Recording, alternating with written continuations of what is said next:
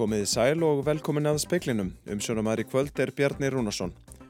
100 miljóna tjón varði í bruna fiskaldisfyrirtækis á tálknafyrði í morgun. Slökkulið er ennað störfum. Tveir slösuðust í brunanum.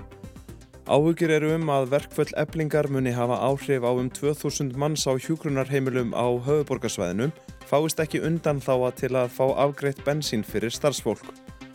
Dómsmálar á þeirra vil skoða hvort hægt sé að nota hugvíkandi efni til að hjálpa afbrótamönnum sem glíma við geðræn vandamál og lauruglumönnum sem hafa orðið fyrir áfalli í starfi. Breytt hefðun landsmanna eftir COVID-19 faraldurinn gæti útskýrt hversu skæðar umgangspestir eru um þessar myndir. Þetta segir framkvæmdastjóri lækninga á heilsugjastlu höfuborgarsvæðisins. Fymta bólusetning vegna COVID-19 er hafinn.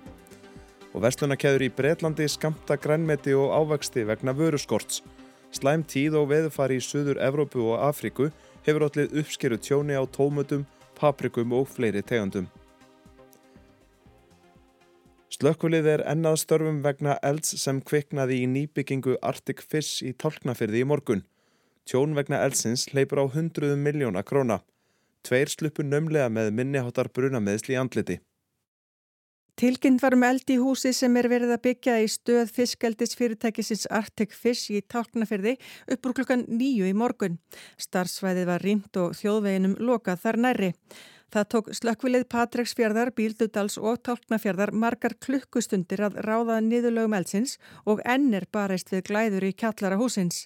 Daniel Jakobsson, framkvæmdastjóri Arctic Fish, segir að umfang tjónsins liggi ekki fyrir en það hlaupið að minnst að kosti á hundruðum miljóna króna. Tveir voru fluttir á sjúkrahús með minni áttar brunasár en annars urðu ekki slís á fólki. Daniel segir mildi að ekki fór verð. Alma Ómarsdóttir tók saman.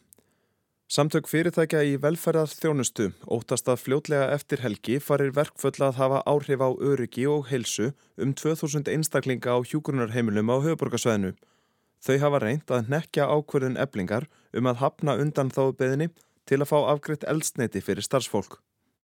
Samtökin óskuðu eftir undan þáu fyrir starfsfólk svo það kemist til og frá vinnu á eigin bílum. Því var hafnað en samtökin fengu undan þáu til þess að taka eldsneiti og bíla í eigu aðildarfélagarsamtakana sem eru að mestu hjúgrunarheimili. Sigur Jón Norberg Kernesteð er framkvæmdastjóri samtaka fyrirtækja í velferðarþjónustu. Við erum búin að vera í ítalegum greiningum og vinnum með okkar aðildarfélagum til að skoða hvernig best hægt að eiga við ástandið og okkar mat eftir þá vinnu er að strax eftir helgina þá sé möguleiki á því að ástandi fari hafa árif á, á öryggi og helsu skjólstæðing okkar á heimilisfólks. Um 2700 manns njóta þjónustu hjá aðeldarfélugum samtakana, þar af um 2000 á höfuborgarsvæðinu.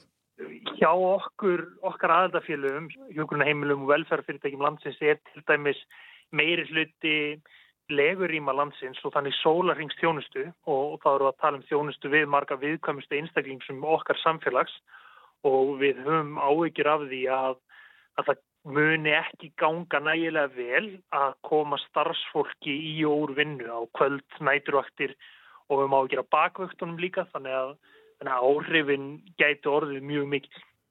En bætti landlæknis tilur þú ekki tilefni til að hafa áhyggjur af áhrifum verkfallsins en sjálfstæðar læknastofur gera það enguða síður þegar starfsfólk sem sér um ræstingu fer í verkfall. Þá hefur heilbreyðistofnun Vesturlands áhyggjur af hugsanlegum eldsneitiskorti. Hafið þið eitthvað reynda nekkið þessar ákverðin? Við erum í samtali við eblingu um þetta og erum vongóðum að þetta muni að við, við náum góðum samstarfi við eblingu um að þetta geti gengið sagði Sigur Jón Norberg Kernesteð, sunna Karin Sigurþórsdóttir talaði við hann. Kona sem óg bíl sem fór í sjóin við Skerjaförði í Reykjavík í morgun fannst ítla áttuð í Nautholsvík löst eftir klukkan sjö í morgun og var henni komið á slesadelt.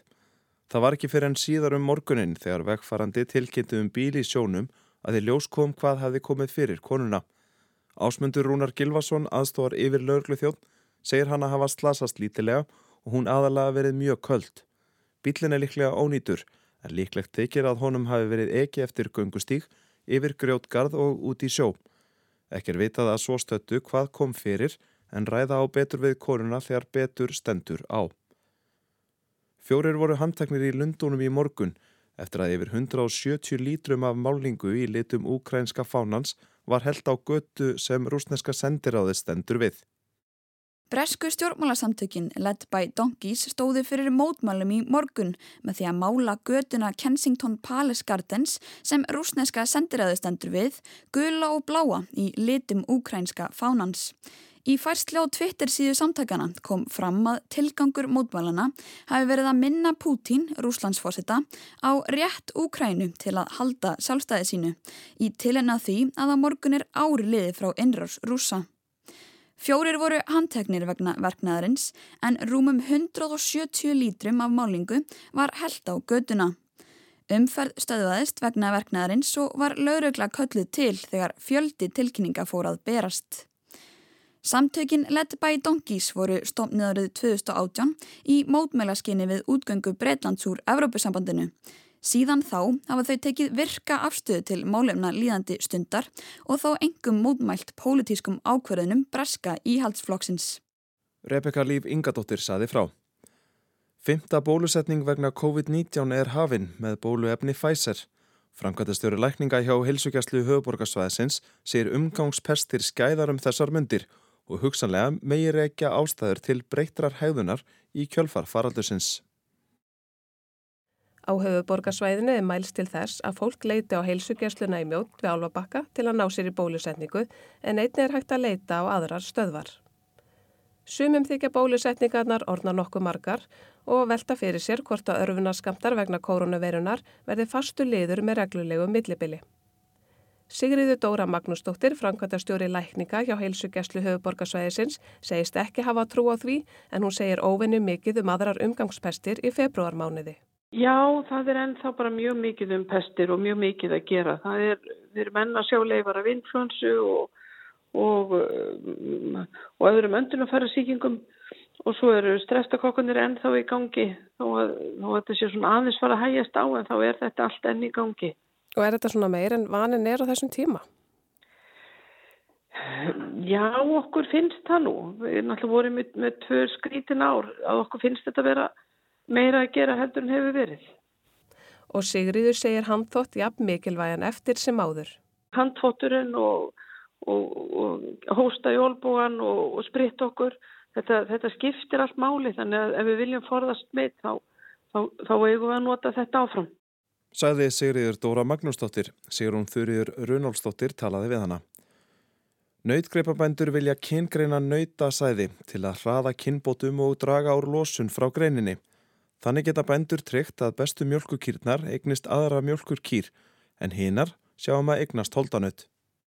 Nautgripa bændur vinna að því að auka hagræði og minka losun frá búunum. Á búgreina þingi nautgripa bænda í dag var því beint til bændasamtaka Íslands að tryggja stopn fjármagn til að hefja kyngreiningu á nautasæði. Kyngreining er notuð í öðrum löndum og gerir bændum kleift að stjórna hvaða kýr eignast mjölkurkýr og hverjar holdanaut. Ný tækni sem bændur hafa tekið í gagnið lætur greininguna nýtast vel. Þar er erðaefni úr kálfum greint og því svarað strax hvaða hlutverk hendar þeim best á búinu. Þegar kyngreiningin bætist svo við er hægt að tryggja að bestu mjölkurkýrnar eignist mjölkurkýr frekar en naut. Herdís Magna Gunnarsdóttir, kúabóndi á Eilstöðum og varaformaður bændasamtaka Íslands, segir að samkvæmti nýri skýrslu þyrti að ráðast í um 180 miljóna fjárfestingu á nautastöð bændasamtakana á hesti í borgarfyrði. Árlegur kostnaður við kynngreininguna yrði svo um 80 miljónir, en þrátt fyrir kostnað borgi verkefnið sig markvallt. Þetta flýtir kynbóta framförum og eigur afkvöst á hvern grip. En það er okkar besta og sterkasta leið til að draga úr losun í greininni er auka afkvöst á hvern grip og þannig náum við á sama tíma og við draugum úr losun náum við líka styrkja ekstra grundall í bæði mjölkur og kjöldframleyslu. Saði Herdís Magna Gunnarsdóttir, Rúnarsnær Reynisson talaði við hana.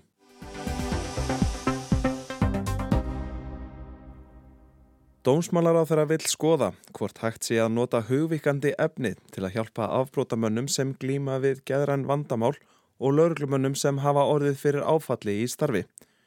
Jón Gunnarsson telur að rétt sé að skoða kostið þess að nota þessi efni til að aðlast samfélaginu á ný og einnig til að aðstóða þólendur í ofbeldismálum. Rannsóknir á hugveikandi efnum á borðið sveppi, LSD og MDMA benda til þess að þau hafi jákvæð áhrif á geðsjúkdóma svo sem þunglindi, fíkn og þráhyggju. Jón hefur viðrað þessar hugmyndir við Kára Stefánsson, forstjóra íslenskrar erðagreiningar. Já, við eh, Kári Stefánsson áttu nú fund út af allt öðru. Við vorum að ræða sagt, eh, lífsýnis, eh, rannsóknir á lífsýnum sem við erum að senda til Svíþjóðar í dag. En hann hafði nýlega verið í viðtali um einmitt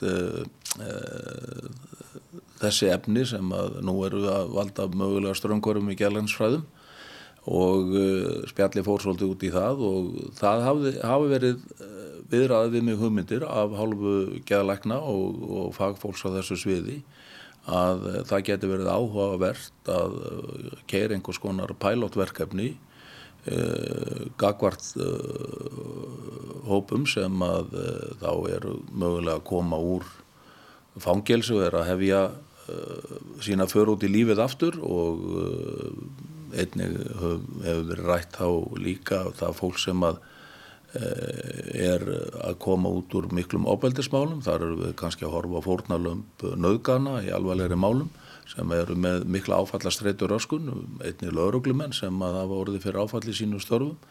Og við erum svo sem alltaf að leita að lausna hér í ráðinetinu á því hvernig við getum eh, bætt eh, meðferðir og hjálpa þessu fólki sem er okkar skjólstæðingar. Eh, í sinni vegferð út í lífið og, og hérna eh, ég er opinn fyrir öllum hugmyndum og nýjungum í þeim efnum. Við höfum eld mjög geð heilbriðir sjónustu í fangilsum landsins og, og það er ágættis árangur af því. En, en eftir því sem að margir segja þá eru við hér á þröskuldi mögulegra nýrar uh, tækni og nýra vísinda í, þegar kemur að gerlansfræðum og það er út að vera sjáhugavert Þannig að þú telur að, að hugvíkandi efni gætu hjálpað já, föngum svo dæmis er tekið að verða að betri samfélagsþegnum á ný?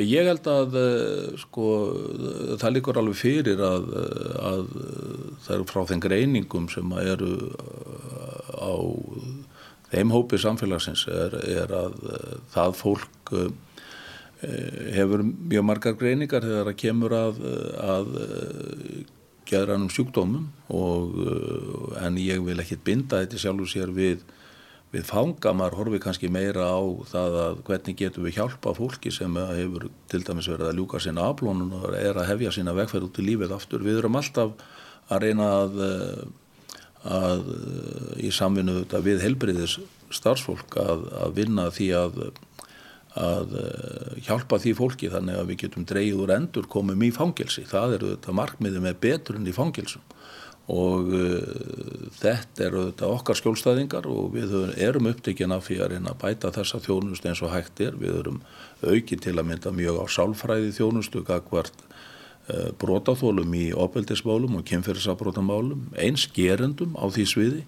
Uh, þetta er allt saman þróun sem er að eiga sér stað og og uh, ég er í sjálf og sér alveg opinn fyrir þessu en uh, þetta er auðvitað aldrei okkar ákvörðun í dónsmálaráðunetun eða ákvörðun mín sem dónsmálaráður, þetta er heilbriðismál og uh, hugmyndin verður til af því að það eru heilbriði starfsmenn sérfræðingur þessu sviði sem að viðra þessar hugmyndu við mig, það er slíkt fólk síðan sem þarf að að sækjum öll leifi sem að þarf til þessa og, og keira slík verkefni bæði gegnum kerfið og síðan í frangvann, það er ekki eitthvað sem er á okkar borði. En þú ert auðvitslega, búin að kanna þetta og, og tala við menn og aðra.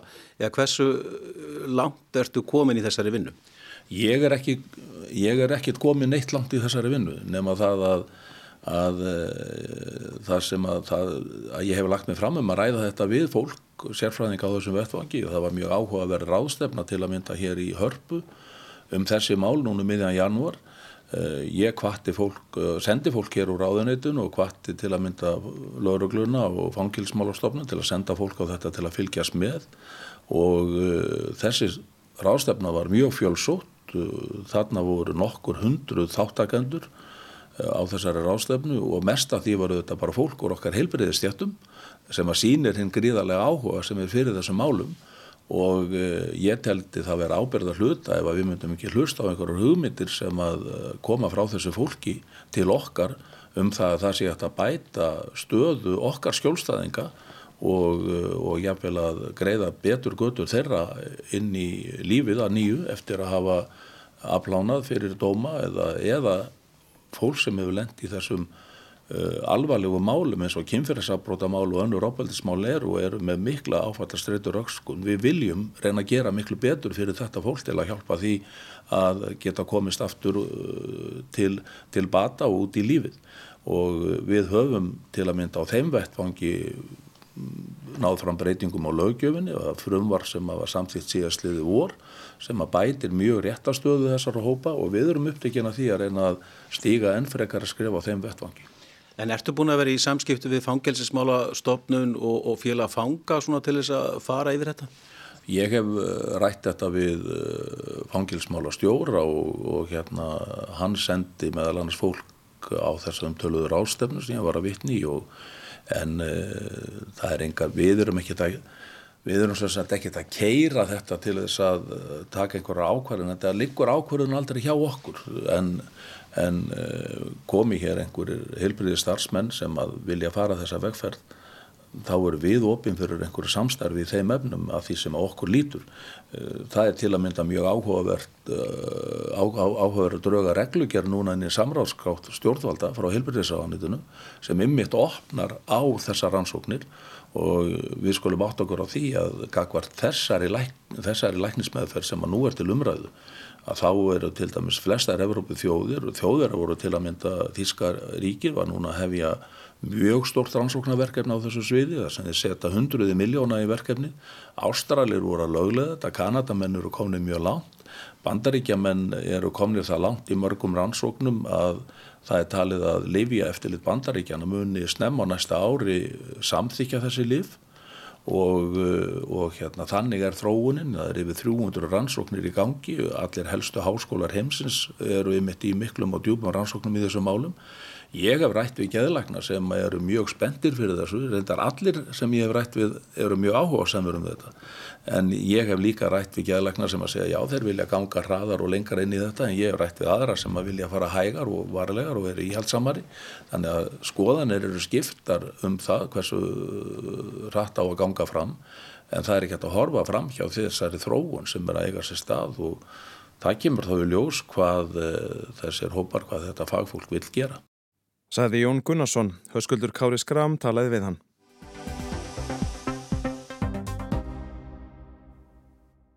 Að minnstakosti fjórar verslanakeðjur í Breitlandi hafa greipið til þess ráðs að skamta ákveðnar tegundir af ávöxtum og grænmeti vegna vöruskorts.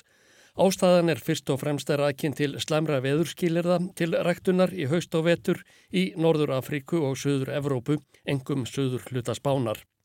Asta, einn starsta verslanakeðja landsins sem rekur á 700 verslanir, reið á vaðið á þriðju dag og tilkynnti að takmarka eriðu kaup á tómutum, paprikum, agurkum, salati í laus og í pókum, spergilkáli, blómkáli á hindberjum við þrjár einingar á hvern viðskiptavinn.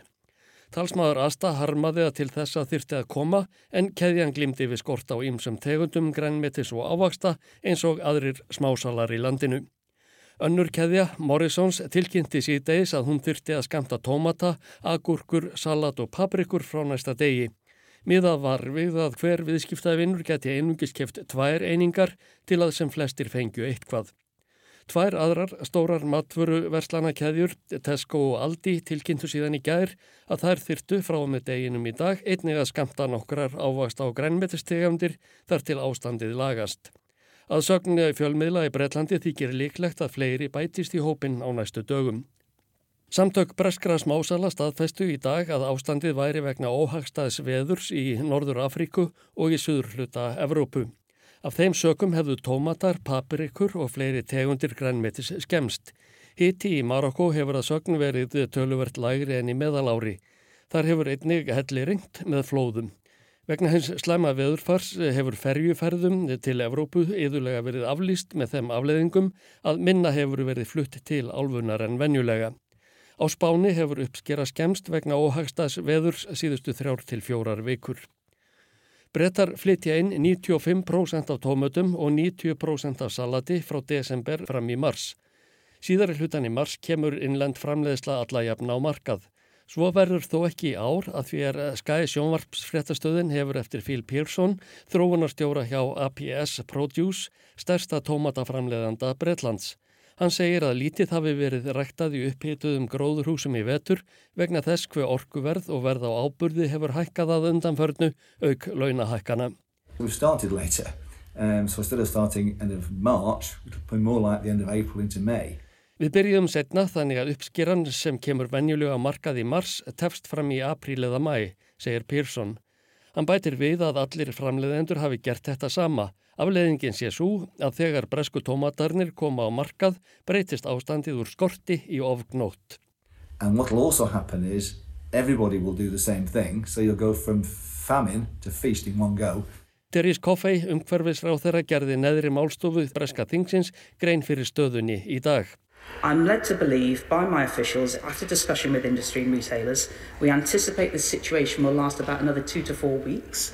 Koffi sagði að eftir að embættismenn í ráðuniti hennar rættu við smásala og framleiðendur virtist sér eh, sem ástandið ætti eftir að vara í tvær til fjórar vikur til viðbótar og ráþarann bætti við. Even if we cannot control the weather, it is important that we try and make sure we, the supply continues to not be frustrated in quite the way it has been due to these unusual weather incidents. Jafnvel þótt við getum ekki stjórnað viðurfarinu er mikilvægt að við tryggjum að frambóð á grænmeti stjórnist ekki af þessum óvenjulegu frávikum í veðrinu, saði Therese Coffey. Ásker Tómasson tók saman.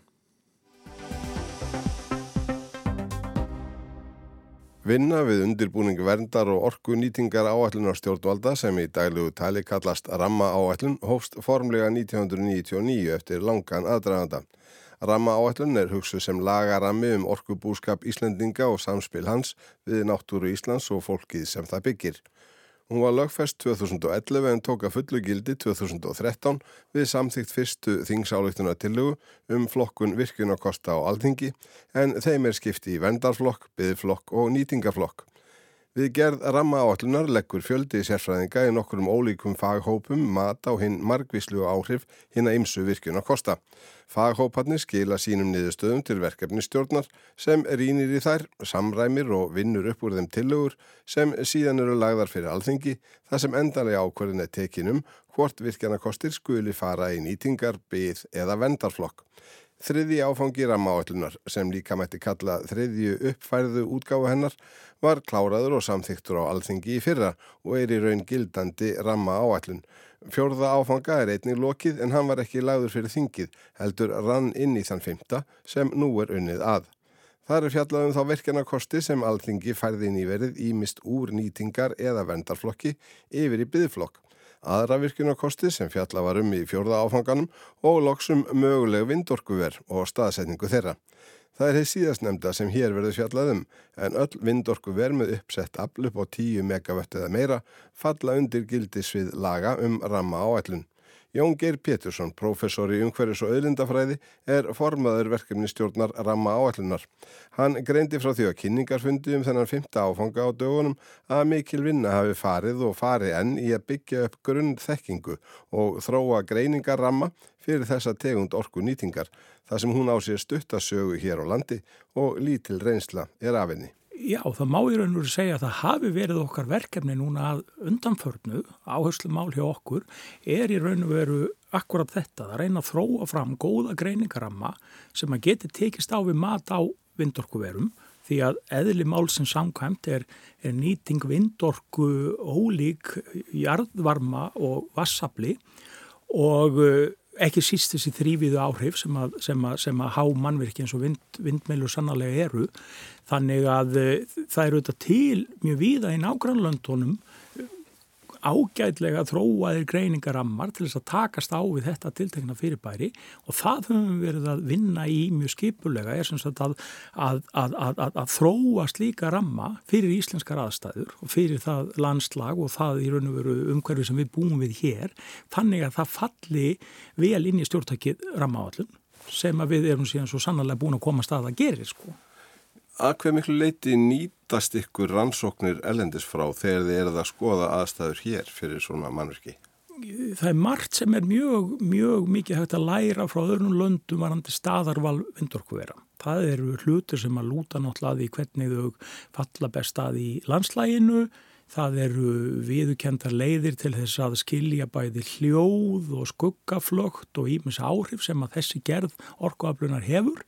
Þannig að það eru fjölda margar slíkar breytur og ekki síst frá löndum sem búa við náttúrulega fjölbreytt landslag því það þarf kannski ekki að taka fram að Íslandsk landslag er náttúrulega stórbrótið og sérstætt og uh, að þróa vindorku verið í Danmörku er öðruvísi viðnámsefni því að við vitum að himmelbjarget er 100 metra átt í Danmörku og hæsta vindbelan 250 metrar, hún er tviðsessunum harri heldur en hæsta fjallið.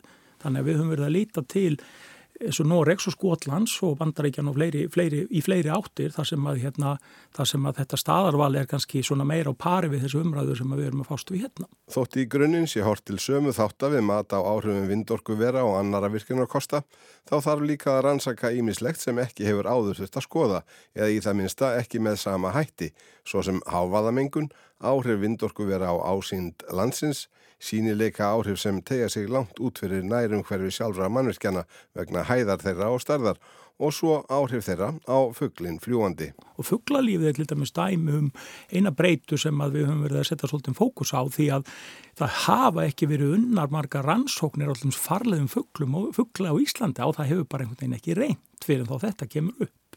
Og geti þið þá kallað eftir slíkum rannsóknum? Hluti af því sem að rammaállum gerir og það er það að hún hagnýti sér uh, upplýsingar sem liggja fyrir og sem beturfer hefur náttúrulega framþróun og undarförnum árum í upplýsingum um alls konar þætti í okkar samfélagi, náttúr og öðru slíku. Þannig að við byggjum á grunni sem sem beturfer er nú vaksandi, þekkingagrunnur en svo geta verið þættir sem við þurfum að láta rannsaka sérstaklega. Þannig að, þannig að þetta er allt þegar við erum að tala um að þróa þessa greiningarama fyrir vindorkuna, þá eru við að hugsa í svolítið breyðu samhengi um þessa þekkingar uppbyggingu á fjölmörgum þáttum sem við viljum meina að þurfa að leggja til grundvaldar áður en við getum lagt fram okkar tillögu til stjórnvalda. Því að eins og rammaállun er jú byggðu upp að þá er rammaállun ekki ákvarðanatöku aðili, það er ofur mikilvægt. Við erum okkur ætlað að vinna faglegt mat og leggja svo tillögur fyrir stjórnvöld sem síðan taka, ákvarðanar og þá er meiningin að ákvarðunin þegar að hún á, á loka punktu verður tekin sé eins upplýst og kostur er.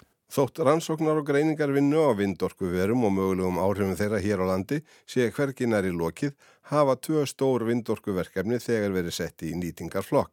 Anna þeirra 120 megawatta orkuveri í Búrfelllundi og hitt 100 megawatta í Blöndulundi og áhugin á að fjölga þeim er mikill. Til lögur um 24 vindorkuver til viðbótar með uppsett afl upp á um það byrj 1900 megawatt samtals eru til skoðunar og ekki ólíklegt að fleiri eigi eftir að bætast við.